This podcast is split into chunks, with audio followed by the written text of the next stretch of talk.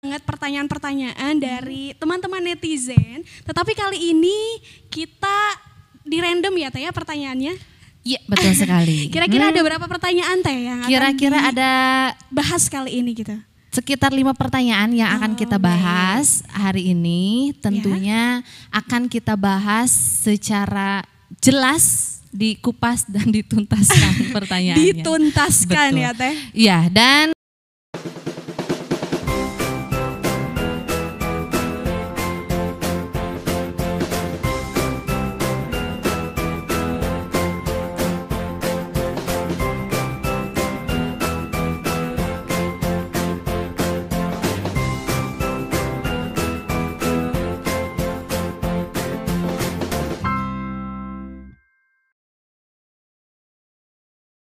Assalamualaikum warahmatullahi wabarakatuh.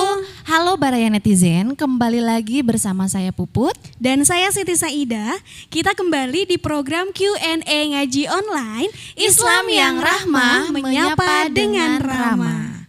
Ya, senang sekali hari ini kita bisa kembali menyapa teman-teman semuanya di mana pun teman-teman berada. Tentunya di acara kesayangan kita yang akan tayang setiap hari Rabu pukul 7 malam. Ya, di mana aja Teh? Di semua sosial media PWNU Iya. Jawa Barat. Ya.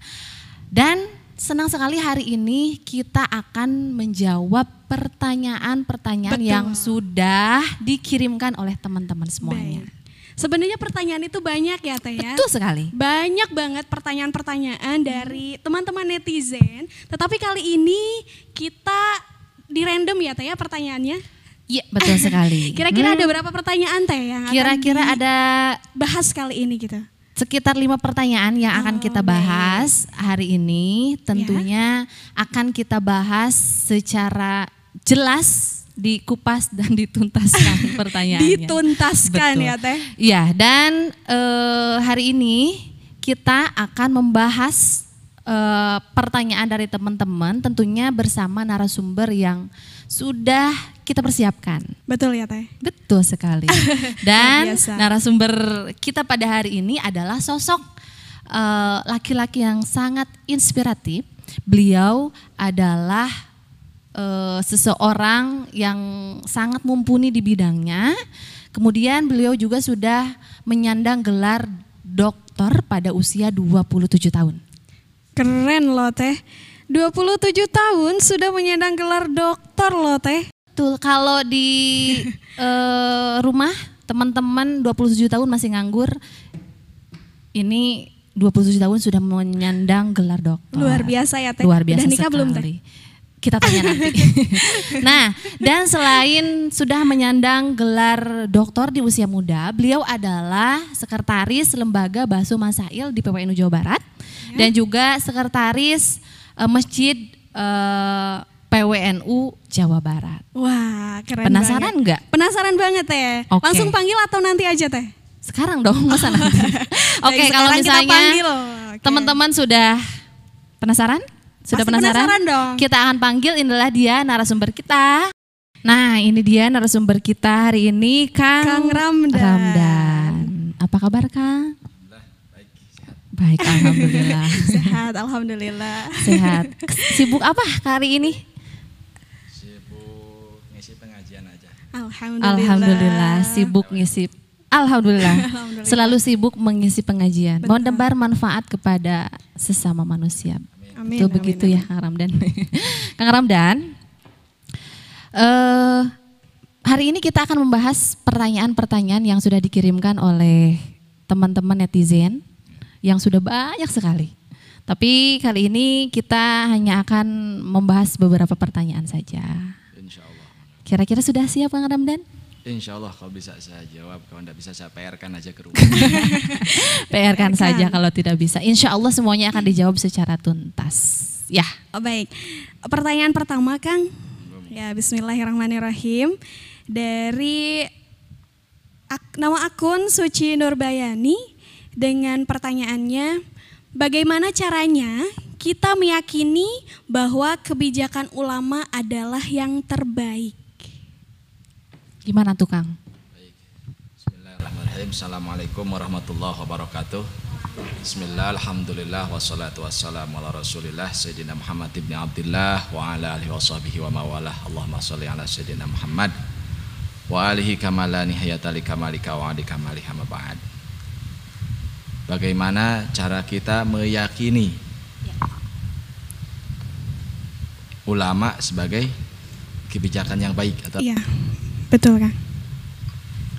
Yang pertama bahwasanya kebaikan atau yang maha baik hanya milik Allah Subhanahu wa taala. Yang kedua, jaminan ulama itu adalah sebagai pewaris nabi. Al ulama'u warasatul anbiya. Jadi seseorang bisa yakin dan tidak yakin itu tergantung pengetahuannya, tergantung ilmu yang ia miliki. Kalau misalkan dia kurang pengetahuan, bisa jadi kepada ulama tidak percaya bisa jadi bahkan malah menjelek-jelekan ulama gitu. Kendati demikian, yang harus kita pahami bahwasanya kenapa kita mesti meyakini pendapat ulama itu baik. Tentu kita juga harus mengetahui yang dimaksud dengan ulama itu apa. Itu karena bisa jadi orang yang nggak ngaji nggak apa-apa karena memang dia public figure hanya pakai udeng, sorban, gamis, tiba-tiba besoknya jadi ulama itu nggak instan. Yang pertama pengertian ulama itu kalau di Indonesia menjadi sudah menjadi bahasa serapan karena ulama itu pengertiannya adalah para alim gitu kan orang-orang yang berilmu. Jadi kalau secara umum pengertian secara bahasa ya orang yang ahli dalam bangunan disebut alim dalam bangunan gitu kan orang yang ahli dalam berbisnis disebut alim dalam berbisnis gitu Orang yang alim di dalam infrastruktur atau apa pun bangunan seperti apa pun ya dia alim ulama dalam bangunannya. Jadi eh, masing-masing memiliki kompetensi di dalam bidangnya itu disebut ulama juga. Nah, mungkin yang dimaksud dalam pertanyaan itu adalah ulama agama. Ulama dalam pengertian ilmu agama. Nah, di sini di dalam kitab Nasihuddiniyah juga sudah dijelaskan bahwasanya ulama itu ada ulama yang su, ada ulama yang al-hadi atau ulama yang baik gitu. Ulama yang buruk juga ada ulama yang baik. Enggak serta merta setiap ulama itu memiliki kebaikan yang tak terbantahkan. Tidak seperti itu. Ada juga ulama su, ulama al-mukhalid atau disebut dengan ulama yang senantiasa dia mencampur adukan kebaikan dan keburukan gitu. Maka itu juga dikatakan dengan ulama. Ya. Kendati demikian eh, maka kita harus paham juga, harus cerdas juga ulama mana yang mesti kita ikuti.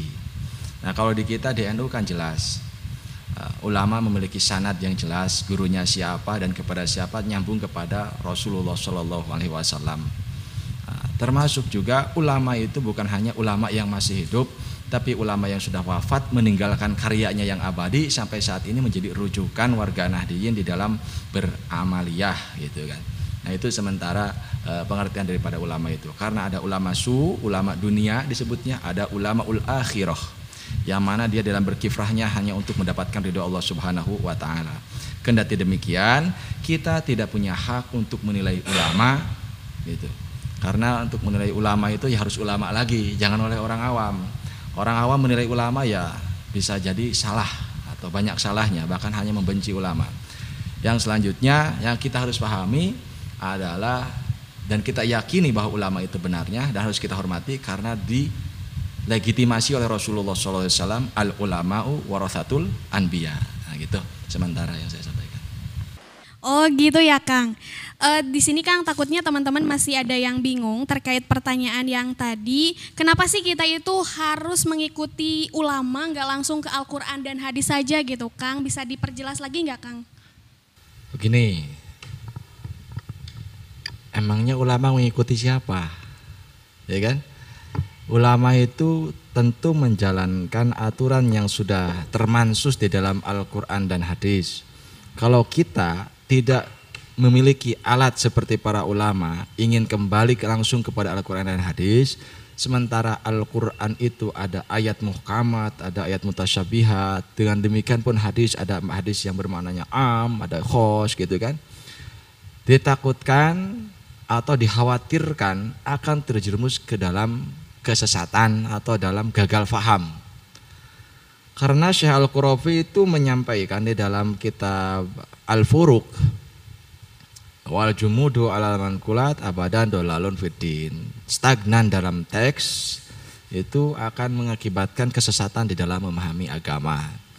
Oleh karenanya kita bukan tidak mengikuti Al-Quran dan hadis. Kita itu mengikuti Al-Quran dan hadis sesuai dengan pemahaman ulama yang lebih paham terhadap Al-Quran dan hadis. Lah kalau misalkan seseorang tidak belajar ilmu bahasa Arab, ilmu nahu, sorob, badai, badai, bayan, ma'ani, mantek gitu kan.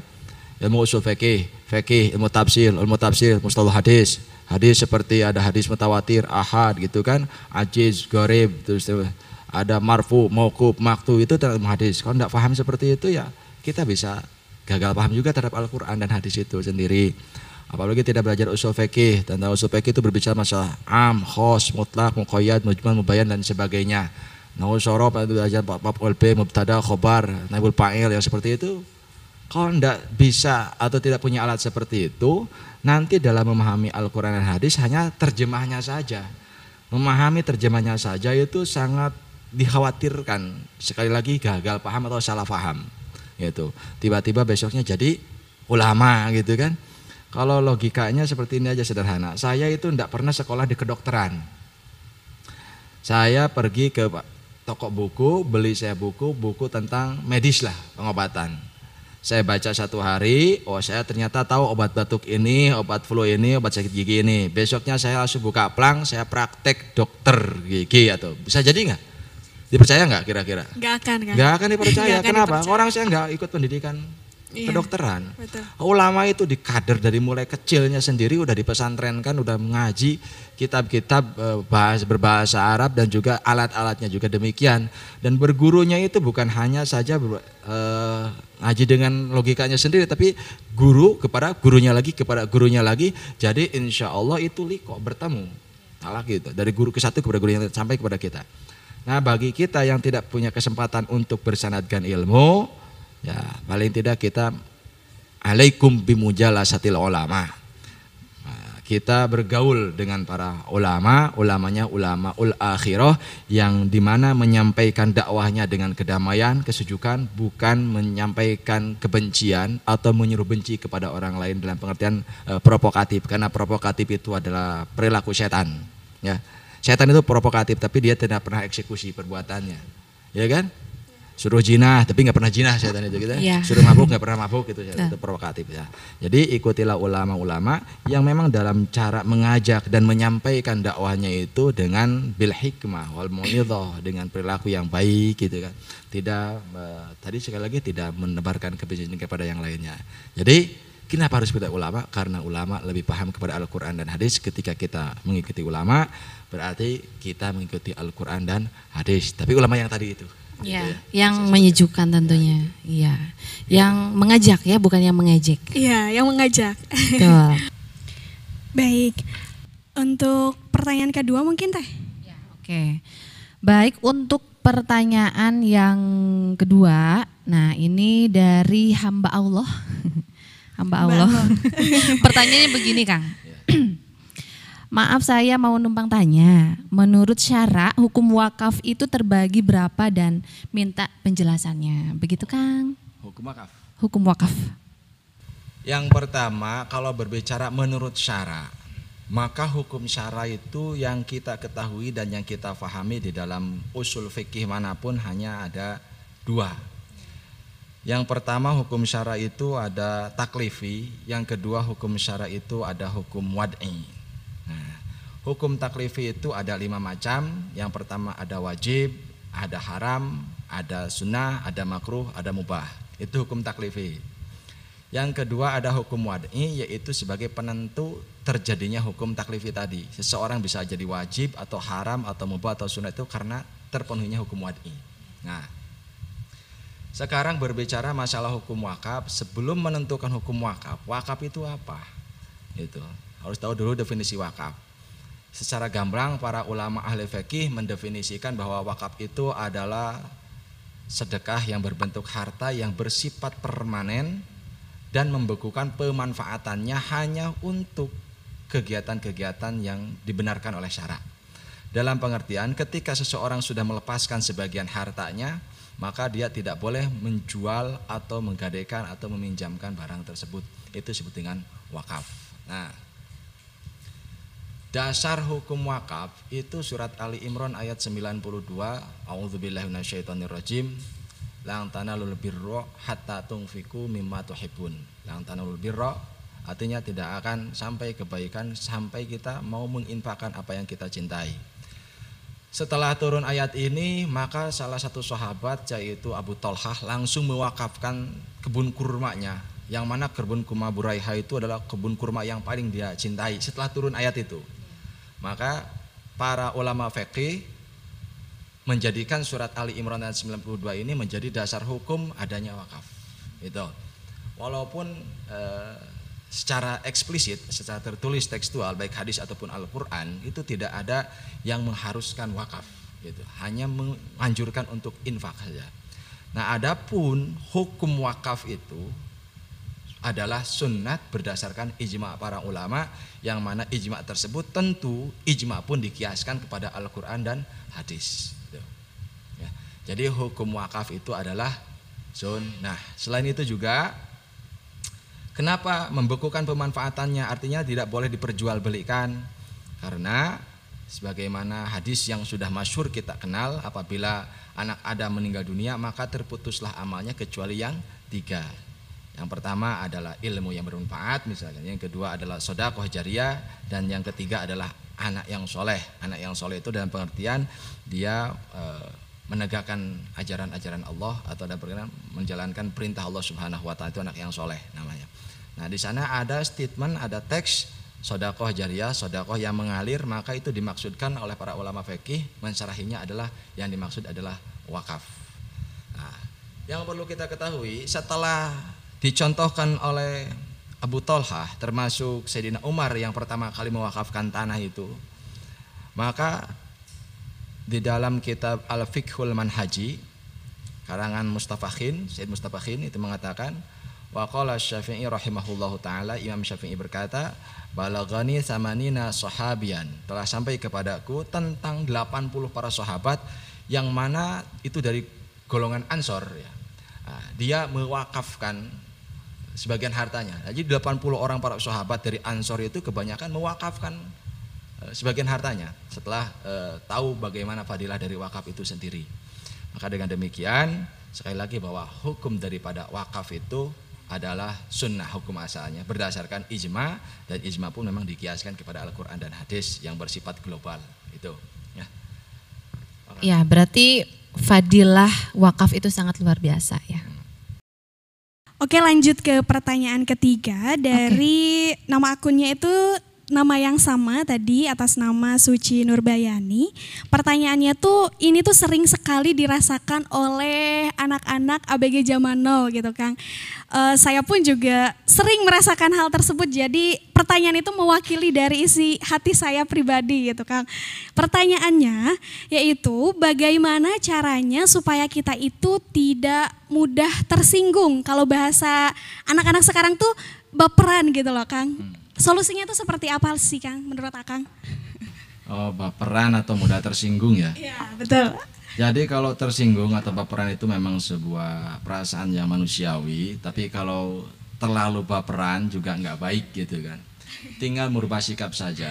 Kalau baperannya karena memang kita dihina atau karena kita dibully atau apa gitu kan. Sikap yang pertama adalah beruntunglah Anda menjadi orang yang dihina karena orang yang menghina Anda itu banyak kekurangannya atau Anda yang dihina berarti merasa dianggap unggul oleh orang yang menghina Anda itu.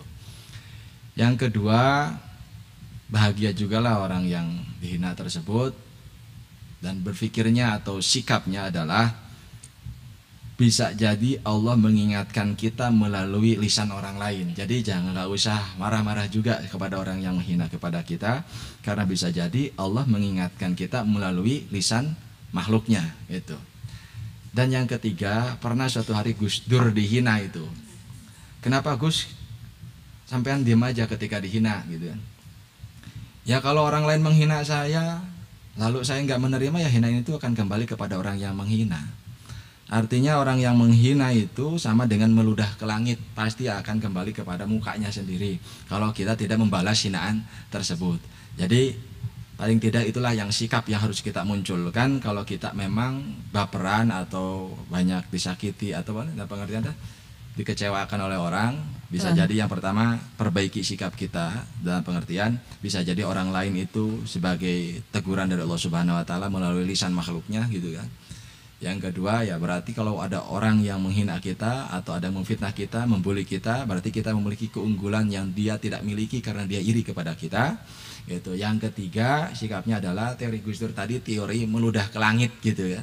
Artinya kalau ada orang yang menghina lalu kita tidak menerimanya dan pengertian tidak membalas hinaan tersebut, maka ludah tersebut akan muncrat ke mukanya sendiri. Itu teori meludah ke langit gitu ya. Yeah. Mungkin itu uh, resep okay. bagaimana cara yeah. kita nggak agar peperan gitu sikapnya. Oh gitu. Hmm, berarti Baik, pada jadi, iya, ya, ya. intinya kita harus menempatkan baper pada tempatnya.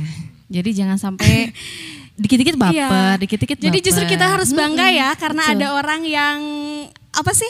Kita jangan sakit hati ya kalau misalkan Betul. ada yang menjas kita atau menghina kita. Justru kita itu harus bangga ya, bahwa kita itu spesial. Tapi betul, jangan ya, juga bangga dihina. Tapi jangan begitu ya.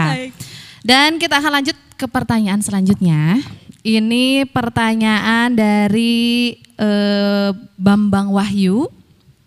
Pertanyaannya adalah, Assalamualaikum warahmatullahi wabarakatuh. Saya mau tanya, e, kriteria pasangan yang baik menurut Islam itu bagaimana? Kemudian konsep pacaran itu apakah masih layak atau tidak? Dan saya mau minta doa supaya didekatkan jodoh. Nah, Bambang Wahyu di mana pun Anda berada, terima kasih sudah mewakili perasaan saya. Merasa terwakili ya Teh. Gimana nih Kang? Pertanyaan yang tadi sangat berturut-turut itu. Ya, yang Gimana? terkait apa tuh? Jodoh, apa kriteria? Uh, ya, kriteria pasangan menurut Islam. Yang pertama sebagaimana firman Allah di dalam surat An-Nisa ayat 3 itu fankihu matobalakum minan nisa al-ayah ya kalau sampai ila akhirihi satu aja belum gitu kan. Apalagi dua, tiga, empat gitu kan. Jadi yang pertama kalau memang ingin menikah, menikahlah dengan wanita yang kamu sukai. Atau ingin menikah dengan pria, pria yang kamu sukai juga. Jangan menikahnya dengan wanita atau pria yang tidak kamu sukai nanti tekanan batin cinta. Repot nanti ya. Repot gitu ya. ya Itu petunjuk daripada uh, Al-Quran. Yang kedua petunjuk dari hadis. Nah, ini sangat-sangat masyhur sekali yaitu tungkahul mar'ah li arba'i khisalin. Nikahilah perempuan itu karena empat hal. Ya. Yang pertama lima liha karena hartanya, yang kedua li jamaliha, berarti bukan pengertian materialistis ya. ya. Yang kedua li jamaliha karena kecantikannya gitu. Yang ketiga li hasabiha karena keturunannya gitu. Keturunan Fir'aun itu ya. jangan sampai turunan Fir'aun. Jangan sampai. yang, yang ketiga yang keempat li diniha karena agamanya. Tapi nggak selesai dari sana Nabi kembali bersabda par tidin taribat yada. Maka lebih selektiflah dalam masalah urusan agamanya sing paling penting gitu kan. Harta penting, cantik penting gitu kan. Keturunan juga penting, tapi yang paling penting di antara yang penting itu adalah agamanya. Agamanya. Itu. Karena memang dalam hadis yang diriwayatkan oleh Imam Tabrani itu kan eh, adunya mataun dunia ini adalah perhiasan wa khairu mata'id dunya al mar'ah salihah gitu kan. Eh, dunia ini adalah perhiasan dan perhiasan sebaik-baiknya adalah perempuan yang solehah. Ya, mudah-mudahan teman-teman yang di kanan dan kiri saya juga solehah. Amin ya Allah ya Amin untuk mengaku soleh itu susah juga karena Imam Asyafi'i saja nggak mengaku soleh. Berat ya kan? Berat karena Imam Syafi'i itu bicaranya seperti ini. Uhibbus salihina walastu minhum gitu. Saya itu pecinta orang-orang soleh tapi saya bukan bagian daripada orang yang soleh. Itu ketawaduan Imam Syafi'i. Hmm. Imam Syafi'i saja sebagai ulama besar tidak mengaku sebagai orang soleh lah orang yang bukan ulama ngaku-ngaku soleh juga. itu kalau namanya soleh ya nggak apa-apa kalau namanya soleh iya. gitu silakan ngaku juga. Sudah jelas ya kan. Nah, yeah. itu uh, jadi perempuan yang soleha adalah sebagai perhiasan dunia yang terindah. Berarti kalau perempuan soleha adalah perhiasan dunia yang terindah. Hmm. Sebaliknya juga ya. laki-laki juga juga sama. Kalau tadi tungkahul mar'ah li arba'i khisalin, maka Laki-laki pun demikian, nikahilah laki-laki yang mapan di dalam hartanya Iya. gitu kan. Dan tampan juga kan gitu. Dan juga keturunannya dan juga yang penting adalah agamanya. Agama, iya. Karena ini berlaku juga untuk laki-laki itu. Kenapa perempuan ya? Perempuan juga empat itu, laki-laki empat juga. Oke. Nah, kriteria yang lebih rincinya lagi ini Siap. terlebih kepada kultur atau sosial ya. Ya. Hadratus Syekh Hashim Ash'ari mengingatkan, qala ba'dul Arab kata Syekh. Sebagian orang-orang Arab itu berbicara, janganlah kamu menikahi perempuan yang memiliki karakter, enam karakter ini. Yang pertama ananah. Anana. Ananah menganjurkan jangan menikahi orang yang ananah. Iya. Apa itu ananah? Ananah itu perempuan yang banyak mengeluh. Gitu kan? Perempuan yang sulit gitu. Yang banyak mengeluh, mengeluh karena faktor ekonomi, mengeluh karena kurang tampannya suami. gitu kan? Iya. Mengeluh karena memang eh, harus nyuci piring, harus nyuci baju gitu, harus ngepel gitu. Janganlah kamu menikahi orang yang ananah. Ini kata orang Arab nih. Iya. Ya. Kalau orang Sunda ya silakan aja kalau suka, cuman hindari aja. Kalau kuat ya silakan, gitu. nggak apa-apa. Ini bukan larangan yang haram ya, bukan. Iya. Hanya anjuran jangan menikahi yang seperti itu. Yang kedua jangan menikahi perempuan yang mananah, gitu kan. Yang ketiga jangan menikahi perempuan yang hananah. Nah, kalau hananah itu perempuan atau wanita yang senantiasa mengharapkan bersetubuh dengan suami orang lain atau bahkan menghayal atau bahkan ingin anak dari laki-laki lain dari selain suami itu ya. hananah. Jadi Iya. ketika bersetubuh dengan suaminya menghayal dengan suami itu namanya hananah, gitu kan. Ada juga mananah tadi itu kan ananah, terus mananah. Kalau mananah itu perempuan yang senantiasa eh, melihat-lihat yang suka shopping itu. Ya, kalau dan pengertian ya, yang suka melihat-lihat lalu menuntut kepada suaminya untuk membelikan. Padahal ya kalau mampu ya silakan, kalau tidak mampu ya hindari perempuan itu. itu Iya. yang itu yang manana itu. Ada juga yang eh hadakoh. Nah, perempuan yang hadakoh itu perempuan yang suka apa namanya itu seling marah-marah karena faktor makanan gitu kan karena kurang mungkin karena baiknya ekonomi suami karena sering mengeluh juga gitu. Iya. atau perhitungan lah Oh, bahasanya perhitungan. Saya ini berbuat ini untuk kamu gitu kepada suami. Oh, iya. jadi hitungan sama suami itu kerja itu Apa-apa gitu, dihitung ya? dihitung itu hitungan dan juga hindari menikah dengan perempuan yang eh, sh- barokoh. Ya barokoh itu perempuan yang senantiasa habis waktunya 24 jam untuk bersolek. Gitu. Itu barokoh namanya.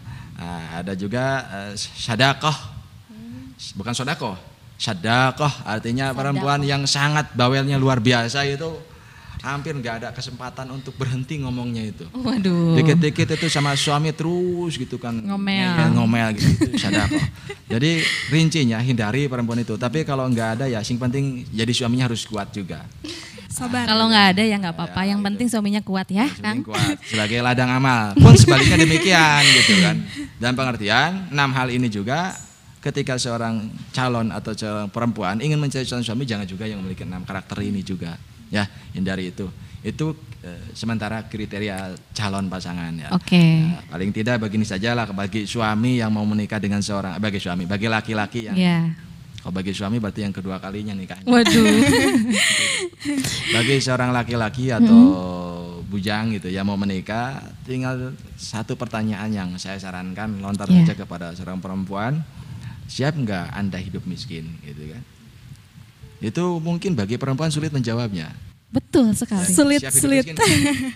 Saya? Nah, mending bahagia sama-sama saja. ya kan? Siap miskin nggak? Nggak kan? Ya kalau perempuan sudah siap miskin apalagi kaya. Iya. karena sebaik-baiknya suami itu tidak akan menyengsarakan istrinya. Jadi jangan takut miskin lah. Yang penting cukup aja lah. Maka cari suami itu jangan terlalu idealis. Cukup tampan kaya soleh pinter baik itu aja Yang penting semuanya cukup. Semuanya ya, itu tercukupi. tentang kriteria ya Kriteria. Monggo. Ya. Yang tadi kemudian eh, bagaimana konsep pacaran? Pacaran, Itu iya. masih eh, apa tadi tuh? Pertanyaan itu tuh su- suka ada ya teh ya. Hmm, pacaran itu masih layak atau tidak konsep pacaran itu? pacaran gitu pacaran itu Apa sih pacaran itu? ya harus definisinya dulu ya. Pacaran itu bahasa Indonesia, kalau di bahasa Arab kan itu namanya tawadud. saling menyayangi, saling mengasihi. Jadi dalam pengertian kalau mau ditanya hukum pacaran, definisi pacaran adalah saling menyayangi dan mengasihi, jangan langsung menjas itu haram. Itu. Tinggal ditanya dulu pacarannya kapan gitu. Oke. Ya. Iya, iya. Ya. Pacarannya sebelum akad atau setelah akad? Karena pengertian dari pacaran kalau diadopsi ke dalam bahasa Arab, di bahasa Arab adalah tawadud, saling menyayangi, Ya. saling mencintai, saling mengasihi. Nah, kalau itu dilakukan sebelum akad nikah, ya bisa jadi haram karena belum waktunya. Oke. Karena sesuai dengan surat An-Nisa Ya. ayat itu ya, wala taqrabu zina itu. Itu, ya. Nah, kalau sudah menikah ya wajib itu pacaran. Ya, saling menyayangi, saling mengasihi. Jadi kalau tanya hukum pacaran, bagaimana hukum pacaran? Kapan pacarannya? Ya, itu. Jadi harus tahu dulu waktu waktunya kapan. Sebelum menikah atau sesudah menikah? Iya. Kalau sebelum jadi haram, kalau sesudah harus. Wajib itu. Oke, wajib. Ya. Karena untuk menjaga keharmonisan rumah tangga kan. Iya betul. Betul banget. hmm, berarti berpacaranlah setelah menikah. Nah. Oke. Lebih romantis dan Lebih lebih, romantis. apa teh bebas ya teh? Nggak tahu saya. Katanya sih. Mungkin kata Kang Ramdan begitu ya. Kang, Sudah betul. menikah Kang? Ya sudah. Alhamdulillah ya Allah. Doakan kita Kang ya. Amin amin. amin. Oke. Selanjutnya yang tadi minta eh, doa Didoakan. didekatkan jodoh. Sebentar Kang saya rekam dulu ya. Ya. Baik, ini minta doa didekatkan jodoh. Menurut saya perlu diklarifikasi pertanyaannya. Oke. Kalau didekatkan itu nggak dimiliki. Gitu. Oh oh iya. Betul. Ya seperti sampean itu kanan kiri saya itu Iya. dekat, gitu. tapi kan nggak bisa saya miliki. Oh betul. Itu kan. Berarti pertanyaannya tolong itu di di Direvisi dirubah itu. ya. Jangan didekatkan jodoh Ingin tapi mendapatkan di jodoh gitu. mendapatkan jodoh. Ini mendapatkan, Mendapatkan jodoh, jodoh. yang Ya. solehah gitu Ya, kan, bagi calon suami yang soleh, bagi calon istri gitu kan.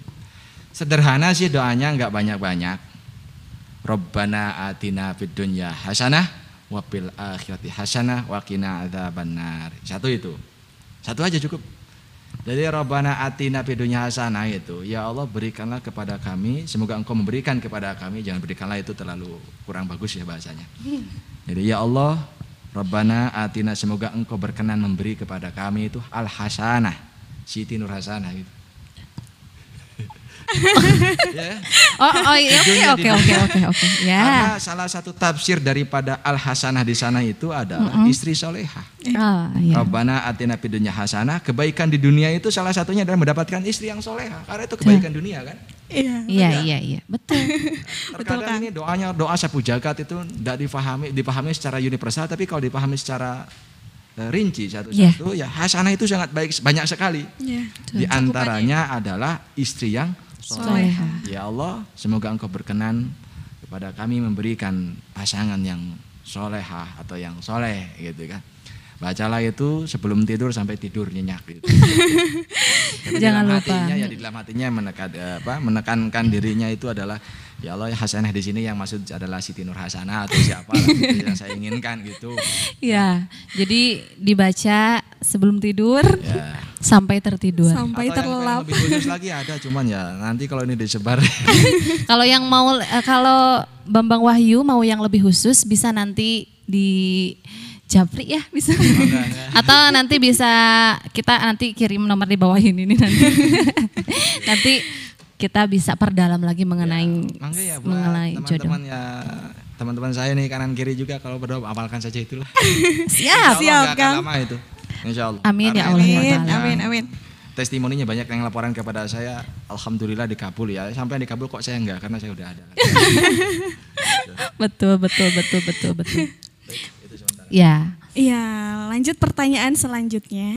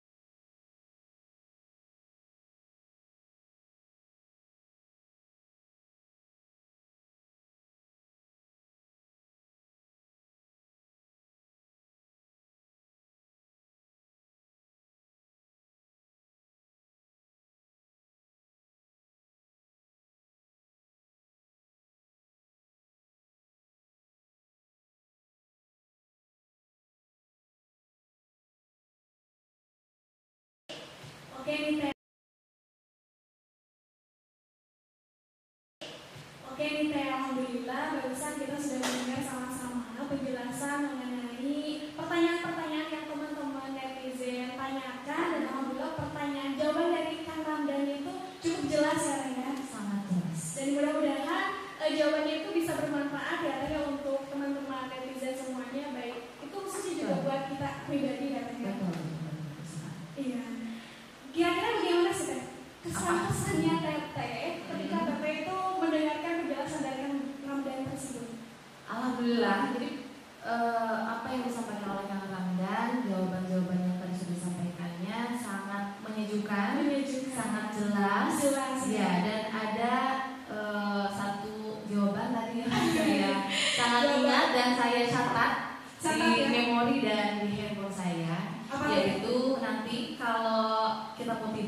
sebelum tidur sebelum tidur yeah. selain kita uh, baca doa sebelum tidur yeah. tambahkan doa Robbana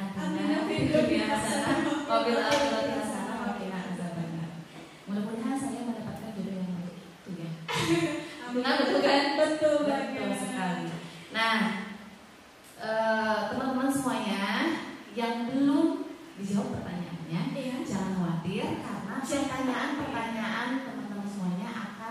kita jawab. Nanti